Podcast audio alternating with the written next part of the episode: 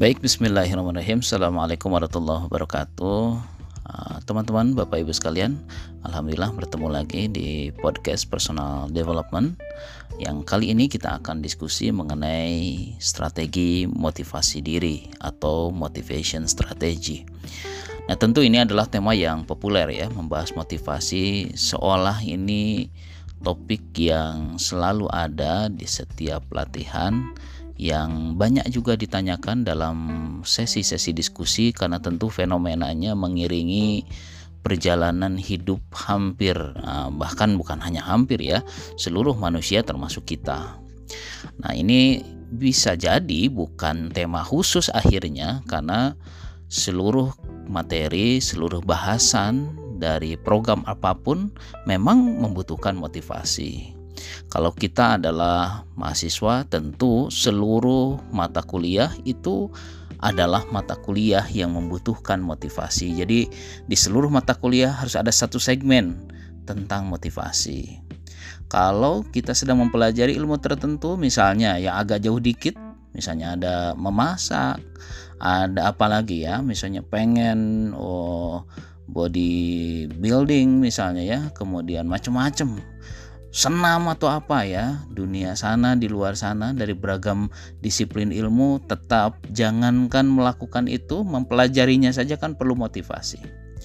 Jadi bisa jadi ini bukan tema khusus namun tema yang akan masuk di seluruh pelajaran-pelajaran yang kita pelajari dalam hidup ya dalam beragam bidang tentunya Nah, pada segmen kali ini kita akan coba membagi menjadi empat sesi ya, pembahasan dan diskusi tentang motivasi diri ini. Yang pertama mengenai pemahaman dasar tentang motivasi. Yang kedua adalah sesi tentang mengapa itu diperlukan. Yang ketiga mengenai matrik dari motivasi dan yang keempat adalah baru bagaimana kita memiliki strategi untuk mendapatkan motivasi. Mudah-mudahan ini akan menjadikan manfaat dan selamat mendengarkan. Baik, hadirin yang berbahagia. Nah ini kurang lebih ada empat tema tadi itu ya. Kita masuk kepada sesi yang pertama mengenai pemahaman dasar mengenai motivasi. Memahami ini akan membuat kita menjadi oh iya ya motivasi itu seperti ini kurang lebih ya yang akhirnya dengan memahami pemahaman yang benar kita bisa menempatkan saya memiliki atau tidak saya akan menggerakkan motivasi itu seperti apa dan saya juga akan bagaimana ketika mendapatkan kondisi diri yang seolah-olah tidak memiliki motivasi baik uh, saya kira ini banyak sekali yang membahas juga mungkin teman-teman juga sudah pernah mendengarkan mengenai dari mana sebetulnya motivasi Beragam teori banyak, beragam pemahaman juga diungkapkan.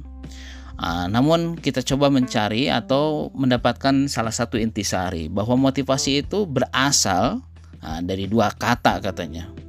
Motif dan aksi. Makanya kita menggabungkannya menjadi motivasi. Kalau di bahasa Inggris sana berarti dari motif and action, maka mencampurkannya menjadi motivation. Motivasi ini inilah yang uh, gampangnya itu disebut motivasi bukan motivasi lagi. Motivation itu itu yang gampangnya kita sebut motiva, motiva motivation ya berarti kalau di bahasa sana itu Jadi, ketika berbicara motif dan aksi, maka dua hal inilah yang menjadikan lahirnya motivasi.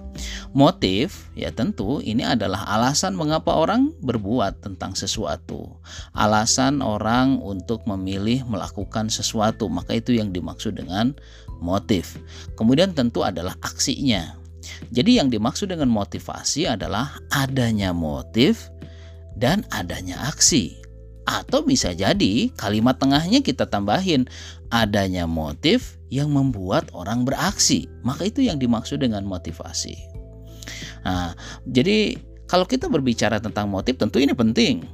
Toh di dalam sering beberapa kali di dalam beberapa pelatihan saya mengungkapkan bahwa motif saja itu menentukan terhadap hukum di dunia pidana misalnya karena orang dihukumi atas sebuah perbuatan yang jahat atau melanggar aturan ternyata di keputusannya bukan karena perbuatan jahatnya saja, bukan karena perbuatan melanggar hukumnya saja, namun motif apa yang melatar belakangi dia melakukan perbuatan jahat. Maka kita sering kali mendengar motif pencurian, motif pembunuhan, motif macam-macam dan itu ternyata masuk ke dalam argumentasi atau dasar hakim menentukan terhadap hukuman. Ah, motif sesuatu akan menyebabkan hukuman sesuatu. Pembunuhan berencana biasanya hukumannya itu yang paling tinggi, paling besar, beda dengan motif-motif yang lain saat dia melakukan tindakan jahat itu. Nah, sehingga motif yang menjadi alasan orang untuk melakukan sesuatu ini adalah sesuatu yang memang akan menjadi penting. Maka ketika kita berbicara motivasi, ini ada motif ini ada alasan yang membuat orang beraksi. Sehingga kalau kita berbicara, oh punya saya punya motivasi nih. Ini akhirnya bukan dari teriakan saja. Bukan dari ayo dong semangat kan kita sering kali begitu ya mendengarnya. Uh, namun nah ternyata dari aksi yang terjadi karena kita telah memiliki motif tertentu. Maka siapa motivator itu? Berarti motivator adalah dia yang bisa menggenerate sekian banyak motif yang dengan motif itu akhirnya menyebabkan adanya aksi. Jadi aksi-aksi itu motif. Berarti nah ini kalau teman-teman wah ya kalau begitu saya supaya mendapatkan motivasi apa? Punya motif nggak? Punya alasan nggak itu? Ini yang disebut dengan the why power the strong why ah, banyak istilah di sana itu tentang why why why why ya jadi kan ini sebuah nilai motif sebetulnya Nah, sehingga lagi-lagi, nah kita berbicara motivasi adalah berbicara tentang motif, berbicara tentang alasan. Yang alasan itu yang menyebabkan kita bergerak. Jadi bukan bukan teriakannya, bukan ketika oh, kalau orang kan semangat itu kan matanya berbinar gerakannya cepat sigap. Bukan itu sebetulnya awalnya. Nah tapi motif yang melatar belakangi dan menghasilkan energi untuk beraksi itu itu yang ternyata mengawali hadirnya motivasi. Tapi tentu lagi-lagi bukan sekedar motif alasan kita punya tapi nggak beraksi ya tentu motivasi ini nggak utuh sebetulnya jadi pemahaman dasar mengenai motivasi adalah bagaimana kita, nah ini, bagaimana kita menyusun sekian banyak motif, sekian banyak alasan yang bisa ditanyakan dari konsep why. Why ini kan makanya disebut menjadi konsep value dari sebuah aksi, value dari sebuah gerakan, value dari sebuah pekerjaan dan sebagainya yang itu menyebabkan kita menjadi bergerak. Ya banyak sekali saya kira yang memang membutuhkan itu. Mendengarkan ini saja, ini kan dihasilkan dari motif. Beda-beda loh motifnya. Mendengarkan untuk apa? Nah, konon katanya kalau di pelatihan saja kalau kita membedakan ini survei dikit-dikit itu kurang lebih motif orang ikut saja itu kurang lebih hanya dua lah ya gitu. Yang pertama bisa jadi karena memilih, ya saya hadir, saya mendengarkan ini, saya ikut kuliah, saya ikut bekerja, saya ikut macam-macam saya karena memilih ini pilihan saya loh gitu. Tapi ada yang kedua, saya hadir, saya dengerin, saya membaca, saya belajar, saya mengikuti pelatihan memang bukan karena pilihan, namun memang tidak ada pilihan lain. Saya tidak punya pilihan lain yang dalam arti terketerpaksaan itu hadir. Kalau tadi, oh saya memilih nih, saya memilih denger nih, saya butuh nih. Nah ini kan motif, ini alasan. Yang kedua, aduh ya sudahlah, karena nggak ada pilihan lain di sana juga ada bla bla bla dan sebagainya. Nanti saya ikut deh. Nah, ini kan beda lagi gitu. Nah ini yang nanti akan dibahas di matriks motivasi. Nah, jadi pemahaman dasar motivasi kurang lebih seperti itu. Jadi ketika kita berbicara motivasi, oh iya, motivasi itu berbicara tentang alasan berbicara tentang motif kita melakukan sesuatu. Ya dengan pemahaman yang benar seperti itu atau saya bilang pas lah ya, benar dan ini tentu nanti e, bisa jadi ada pemahaman yang lain gitu. Namun dengan pemahaman yang pas seperti itu kita bisa menempatkan ketika kita membutuhkan yang namanya motivasi itu. Oke, kurang lebih itulah teman-teman sekalian tentang pemahaman dasar motivasi. Nah, yang kedua, nah ini masuk ke sesi yang kedua, mengapa harus dan kita perlu motivasi. Jadi mengapa harus punya motivasi, mengapa juga kita perlu motivasi. Nah, ini berbicara tentang konsep mengapa. Nah, kita udah berbicara tentang konsep motif. Nah, jadi kalau konteks yang dimaksud bagi mengapa ini menjadi ya tentu ini menjadi penting karena konsep motivasi mengapa itu ada bahkan ketika kita membutuhkan motivasi motivasi saja perlu mengapa ya? Jadi mengapa saya perlu motivasi gitu? Ini lagi-lagi konsep motif sudah hadir di ketika kita memiliki motivasi gitu ya.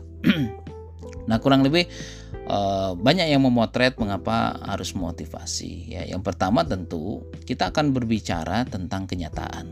Nah, ya. Ketika melihat kenyataan maka itu kan perlu motif itu perlu motivasi itu perlu alasan untuk tetap kita bergerak. Kenapa? Kenyataan kan kadang tidak sesuai dengan harapan. Mungkin kita pengen kenapa ya saya lahir di keluarga ini? Saya kenapa ya lahir di negara ini? Kenapa saya lahir di daerah ini? Ya macam-macam kan? Itu juga melihat kenyataan gitu. Apalagi kenyataan itu kalau sudah dibandingkan. Mengapa saya bukan keluarganya Rapi Ahmad misalnya yang dengan kakak Rapatar misalnya yang lahir kemudian jadi sultan ini kan melihat kenyataan diri tidak seideal kenyataan orang lain itu juga membutuhkan motivasi membutuhkan motif untuk tetap bergerak Alasan apa yang bisa kita siapkan sehingga saat melihat kenyataan yang bisa jadi tidak sesuai harapan kita tetap bisa bergerak. Nah, ini perlu tetap maksud dengan motivasi. Nah, ini saat melihat kenyataan. Berikutnya adalah selain saat melihat kenyataan, motivasi kita perlukan saat melihat proses. Nah, jadi ketika berproses sesuatu, mengejar sesuatu, me, apa ya, ingin mencapai sesuatu, baik itu mimpi atau apa pun, maka proses itu jelas perlu motivasi. Yang namanya perjuangan bukanlah jalan mulus yang penuh bertabur bunga, wangi dan sebagainya. Kadang kan penuh dengan lembah, naik turun gunung, uh, banyak tantangan, duri-duri di sekitar jalan. Ini kan proses sebetulnya mencapai mimpi. Nah, ketika menemukan tantangan mencapai mimpi, mencapai cita-cita, mencapai harapan, maka dalam prosesnya ini jelas perlu energi dan energi ini diawali dari motif yang menyebabkan kita beraksi. Jadi, yang kedua adalah ya tadi. Jadi, setelah melihat perlu motivasi dalam kenyataan, kita juga perlu mendapatkan atau memiliki itu ketika memproses hidup mencapai cita-cita. Dan selanjutnya, apalagi nih yang perlu motivasi? Nah, yaitu dalam konteks menjaga idealisme. Banyak sekali idealisme-idealisme yang sering kali hadir pada diri kita. Value-value baik, cita-cita baik, kemudian lagi inspirasi-inspirasi baik itu kan idealisme. Seringkali kita mengungkapkan ini, misalnya, wah pokoknya saya akan nanti akan menjadi lebih baik oh, di tahun ini. Saya ingin menjadi pribadi yang hijrah. Wah, ini kan jadi ada idealisme yang kemudian jadi cita-cita kita. Ada value-value baik yang kemudian ini menjadi Eh, harapan-harapan kita. Nah, menjaga idealisme yang baik itu, hidup yang ideal ya, hidup yang ideal, cita-cita yang ideal itu juga perlu motivasi. Jadi melihat kenyataan, berproses mencapai impian, kemudian menjaga agar kita tetap berada dalam konteks yang ideal, maka itu perlu motivasi. Idealisme-idealisme yang itu akhirnya akan jadi quote saja, jadi jargon kalau kita tidak beraksi dengan idealisme itu. Nah, tentu ini juga perlu motivasi. Jadi, jika kita berbicara tentang why, eh, mengapa kita perlu motivasi, ya kurang lebih ya hidup membutuhkan itu. Hidup membutuhkan energi untuk tetap berjalan. Ini tetap berjalan saja membutuhkan energi, apalagi jika hidup itu bertemu dengan tantangan. Nah, ini kita berbicara mengenai alasan mengapa itu. Lagi-lagi, ah, ada satu disclaimer nih kayaknya yang harus hadir ya. Motivasi hanya diperlukan bagi mereka yang masih menghendaki hidup. Nah, jadi kalau memang kita berbicara hidup, ya perlu energi, semua perlu energi, perlu tenaga dan tenaga itu ada tantangan nanti di sananya yang tentu ini perlu tenaga lebih besar dan motivasi hadir sebagai energi di sana. Nah, kurang lebih itulah teman-teman sekalian. Jadi mengapa kita harus perlu motivasi? Baik, ada sesi tiga nih. Nah, kita coba mematriks kita kita coba membayangkan ada matriks ya, matriks motivasi. Nah, kurang lebih kalau matriksnya kan motivasi itu dari dua saja. Ada dari internal, ada dari eksternal. Nah, gitu ya. Jadi, oke okay, dibagi dua dulu. Motivasi itu dari dalam diri kita atau ada yang dari luar diri kita. Nah, berarti kan begitu ya. Dari dalam diri itu sering orang menyebutnya self motivation gitu atau intrinsic motivation. Istilah-istilahnya kurang lebih seperti itu. Kalau dari eksternal orang sering kali menyebutnya itu adalah uh, external motivation atau extrinsic motivation. Nah, cuman dua hal ini juga dibagi dua lagi. Yang internal motivation dibagi dua, ada yang positif, ada yang negatif. Yang eksternal dibagi dua lagi, ada yang positif, ada yang negatif. Nah, oke. Okay. Matriks mana nih ya yang harus kita pilih? Karena berbicara matriks berarti kan kita memilih matriks yang paling menguntungkan. Mana ya yang paling kita akan pilih? Nah, matriksnya kurang lebih gini lah ya. Yang internal itu dibagi dua ada yang internal positif, internal negatif tadi. Eksternal ada eksternal positif, ada eksternal yang negatif. Oke, kita akan memilih berada di kuadran mana nih di matrik itu. Nah, nah internal positif itu adalah benar-benar sudah lahir dari diri, diri yang sudah terbuka, diri yang sudah uh, mau bergerak gitu ya. Nah, gitu ya. Jadi atau sudah menginginkan sesuatu atau tidak menginginkan sesuatu, maka itu melahirkan dua Ya tadi yang positif atau yang negatif. Kalau yang internal positif biasanya mengatakan apa? Saya mau mengerjakan itu. Saya loh yang mau. Bukan karena apa pun, saya sudah mau mengerjakan itu. Atau ada yang negatifnya, saya tidak mau mengerjakan itu. Saya tidak mau mengerjakan itu. Nah, ini dari internal dan negatif. Nah, saya tidak mau memang gitu. Alasannya apa? Ya saya sudah tidak mau. Nah ini berarti internal dan negatif. Ada yang dari eksternal positif. Biasanya misalnya berisi bisa jadi persuasif dari pihak lain, bujukan dari pihak lain, kerjakan ini. Engkau nanti mendapatkan bonus. Nah, ini kan eksternal positif. Jadi kita mendapatkan energi dari luar dan itu positif gitu. Ada juga yang dari luar itu apa? Kerjakan ini, kalau enggak engkau dipecat misalnya. Bisa ancaman bentuknya atau jangan mengerjakan ini. Kalau enggak nah, nih kalau engkau tetap maksa ngerjain bakal begini. Jadi itu negatif ya. Itu ya. Jadi negatif itu bisa dua. Negatif dalam konteks perbuatannya negatif artinya tidak atau motif perbuatannya yang negatif. Kalau yang pertama kan tadi diberikan uh, reward. Engkau kalau mengerjakan ini akan mendapatkan apa? Kalau yang kedua justru bukan diberikan reward justru diancam untuk kalau engkau tidak mau ini, awas dong. Ah, gitu ya. Jadi itu eksternal nih negatif. Nah, lalu yang mana matriks yang terbaik atau kuadran mana yang terbaik? Nah, berbicara tentang kuadran yang terbaik, ini sebetulnya berbicara konsep kita ingin mendapatkan motivasi yang besar energinya dan lama jangka waktunya. Jadi kalau kita berbicara apa motivasi terbesar? Jadi motivasi terbesar itu cek ini energinya yang paling besar, terus jangka waktunya paling lama. Jadi kita memiliki energi itu nggak sebentar kan ada yang motivasi itu cuma satu hari, satu minggu, atau bahkan ada hanya berjam-jam ya baru satu jam udah hilang tuh energi motivasinya. Berarti kan itu bukan yang besar. Yang besar itu dilihat dari dua besar energinya sehingga kita beraksinya powerful sekali dan jangka waktunya yang lama. Nah berbicara tentang mana yang menyebabkan energi paling besar, kemudian jangka waktunya yang lama saat kita memiliki motivasi, maka sudah tidak bisa dipungkiri kuadran terbaik adalah motivasi dari internal dan positif. Itulah kata yang terbaik. Itulah yang terbaik yang menyebabkan kita memiliki energi besar. Saya udah mau.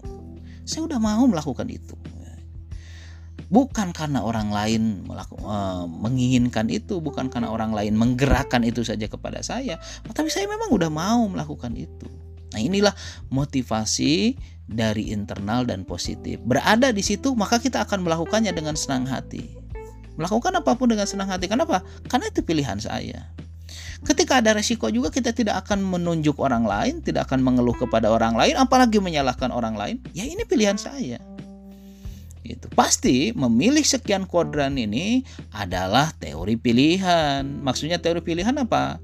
Bahwa setiap pilihan jelas ada resiko dan resiko paling menguntungkan kita dalam kuadran matriks motivasi adalah jika kita memiliki energi dari dalam diri kita dan itu positif.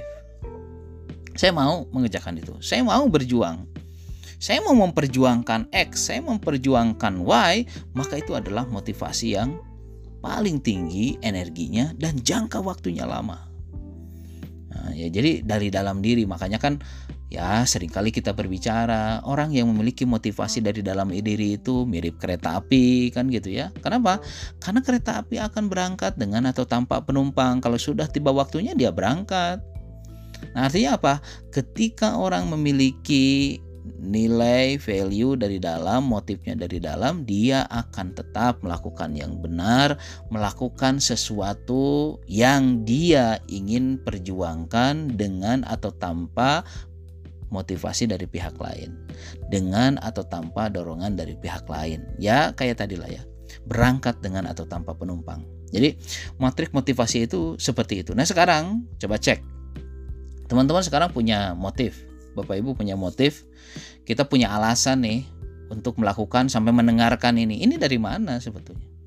Kalau masih bahwa ini, waduh, ini kayaknya saya dipaksa deh sama instansi saya, saya dipaksa sama bos saya, saya dipaksa oleh atasan saya, sama orang tua saya, atau siapa pun di luar sana, maka biasanya energinya tidak besar dan jangka waktunya jadi pendek.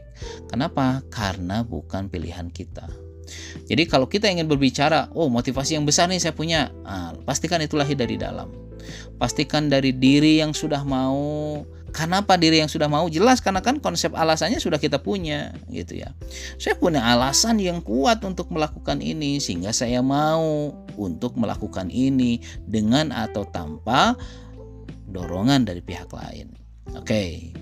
Oke, mudah-mudahan paham ya yang sesi tiga ini matriks motivasi. Nah, sekarang Bagaimana mendevelop strategi sehingga kita memiliki motivasi. Sesi 4 nih gitu ya. Jadi motivation development atau motivation strategi ya. Jadi bagaimana kita memiliki strategi untuk mendevelop motivasi. Nah, untuk ini seharusnya lebih gampang. Nah, kenapa seharusnya lebih gampang? Kalau kita sudah memahami sesi satu tentang pemahaman dasar mengenai motivasi, maka kita bisa mendevelop ini. Caranya banyak. Kalau kita mencari konsep banyak strategi motivasi, banyak sekali.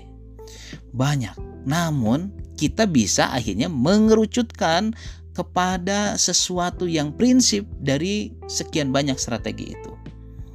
Nah, yang pertama ya, ini misalnya kita kerucutkan deh gitu ya. Bisa jadi hanya satu deh. Strategi untuk mendapatkan motivasi atau mendevelop membangun motivasi adalah alasan atas sebuah harapan. Oke. Jadi itu kan strateginya. Strategi untuk mendapatkan alasan terhadap sebuah harapan. Nah, jadi ciri orang hidup punya harapan. Jelas ini berulang-ulang kita katakan. Jadi ciri orang hidup adalah punya harapan. Makanya kalau ada yang mendekati akhir hidup biasanya kan maaf sepertinya sudah tidak punya harapan. Nah, maksud sudah tidak punya harapan artinya ya e, nyawanya yaitu harapannya gitu. Nah, harapan ciri hidup. Jadi strategi untuk membangun supaya hadir energi dalam hidup itu apa alasan-alasan yang membuat kita tetap bertahan memperjuangkan sebuah harapan. Berarti nah, dari pemahaman dasar sesi 1 kita jadi tahu strategi mendevelop motivasi adalah apa? Sebetulnya menyusun alasan ini dari mana? Sejak perencanaan, sejak kita punya cita-cita, sejak kita punya impian. Maka pertanyaan pertama, mengapa saya pengen itu? Karena besarnya alasan menentukan besarnya usaha. Besarnya alasan menentukan besarnya cita-cita. Nah, kalau misalnya alasannya sederhana, alasannya receh mungkin kata orang-orang sekarang, maka receh juga kita mencapainya. Kan ada yang gini, mau jadi apa? Oh saya pengen misalnya apa? Membanggakan orang tua. Oke, Ada yang lebih tinggi saya ingin membanggakan negara. Wow, lebih tinggi lagi. Ada yang lebih, lebih tinggi lagi, saya ingin membanggakan agama. Wah, itu terus levelnya naik. Ada yang ini, ya yang penting saya hidup aja. Kan beda lagi gitu. Nah, sekali lagi, besarnya cita-cita akan menentukan besarnya usaha, besarnya harapan, ditentukan oleh besarnya alasan. Nah, ini kan masalah alasan, masalah harapan, masalah mimpi, masalah cita-cita, urusannya adalah dengan besarnya usaha. Maka, ketika ada trouble di energi motivasi kita, ketika menentukan berapa atau apa yang menjadi motivasi kita, cek alasan itu. Alasannya apa ya gitu? Saya kenapa melakukan ini? Mengapa saya menginginkan itu? Kemudian monitor besar atau tidak tuh alasannya. Karena kalau alasan yang receh, energinya juga receh. Alasan yang kurang besar tentu usahanya juga kurang besar. Maka ini prinsip, jelas ada strategi-strategi yang lain. Misalnya apa? Oh, kalau begitu bukan dari alasan dulu. Harapannya juga harus besar. Oke, boleh dari situ. Tapi lagi-lagi, mengapa alasannya apa harapan ini menjadi besar? Lagi-lagi bertemu dengan kata mengapa. Jadi, menyusun alasan-alasan terhadap sesuatu ini akan menentukan terhadap besar kecilnya energi yang didapatkan dan tentu besar kecilnya usaha yang akan dilakukan. Nah, maka menyusun alasan-alasan ini adalah strategi motivasi yang paling prinsip. Jadi Bapak Ibu sekalian, teman-teman sekalian, jadi ketika kita berbicara motivasi, simpel ya sebetulnya. Bahkan bisa jadi nggak usah ngomong sepanjang ini ini kita. Cukup bicara di pemahaman dasar tentang sebuah kata motif, maka itu yang akan menentukan besar kecilnya energi yang kita hasilkan di dalam uh, memperjuangkan sesuatu pada hidup kita. Jadi, yuk nanya sekarang, mengapa saya berharap ini? Mengapa saya memiliki mimpi ini? Mengapa saya memperjuangkan ini? Mengapa saya melakukan ini? Uh, bisa jadi mengapa ini adalah di dalam rencana awal nanti mengapa saya memilih pekerjaan itu mengapa saya mau bekerja di bidang itu mengapa saya memilih pasangan X Y dan Z dan sebagainya dan sebagainya. Ini kata-kata mengapa adalah motif-motif yang melahirkan motivasi itu. Nah, simpel ya sebetulnya. Nah, simpel itu tentu pemahaman dasar. Apa yang berat? Mempertahankan alasan dari pemahaman dasar karena alasan tentu adalah sesuatu yang besar. Maka sebagai penutup masih ingat tentang the power of reason? Nah, katanya apa bunyinya? Jika mengapa begitu besar, maka bagaimana menjadi kecil. Jadi kalau alasan sesuatu itu sudah besar, maka cara melakukannya itu menjadi kecil. Nah, mudah-mudahan dengan diskusi ini, obrolan ini kita jadi bisa menempatkan oh iya ya. Saya punya motivasi ini sekarang. Oh iya ya. Saya harus merevisi motivasi saya oh ya ya bagaimana kalau nanti motivasi turun ya ini kan berbicara tentang konsep dasar motif berbicara konsep dasar motif berbicara konsep aksi yang dilahirkan atas dari dasar motif itu berbicara alasan memperkuat alasan merevisi alasan maka itulah yang dimaksud dengan kita sedang merenovasi motivasi yang kita miliki. Semoga bermakna dan bisa dipahami sehingga kita bisa mengaktifkan pemahaman ini saat tadi kita bertemu dengan kenyataan yang tidak sesuai harapan, kita bertemu dengan proses yang penuh tantangan, atau kita bertemu dengan idealisme yang harus dipertahankan. Sukses selalu bagi kita semuanya. Mohon maaf jika ada hal yang kurang berkenan. Selamat merevisi uh, alasan. Oke, okay. selamat juga mendevelop motivasi, selamat juga untuk menyusun strategi motivasi yang lebih baik tentunya untuk mencapai cita-cita dan harapan serta hidup yang lebih baik bukan hanya dunia tapi juga hidup yang lebih baik sampai ke akhirat kelak. Oke, Assalamualaikum warahmatullahi wabarakatuh.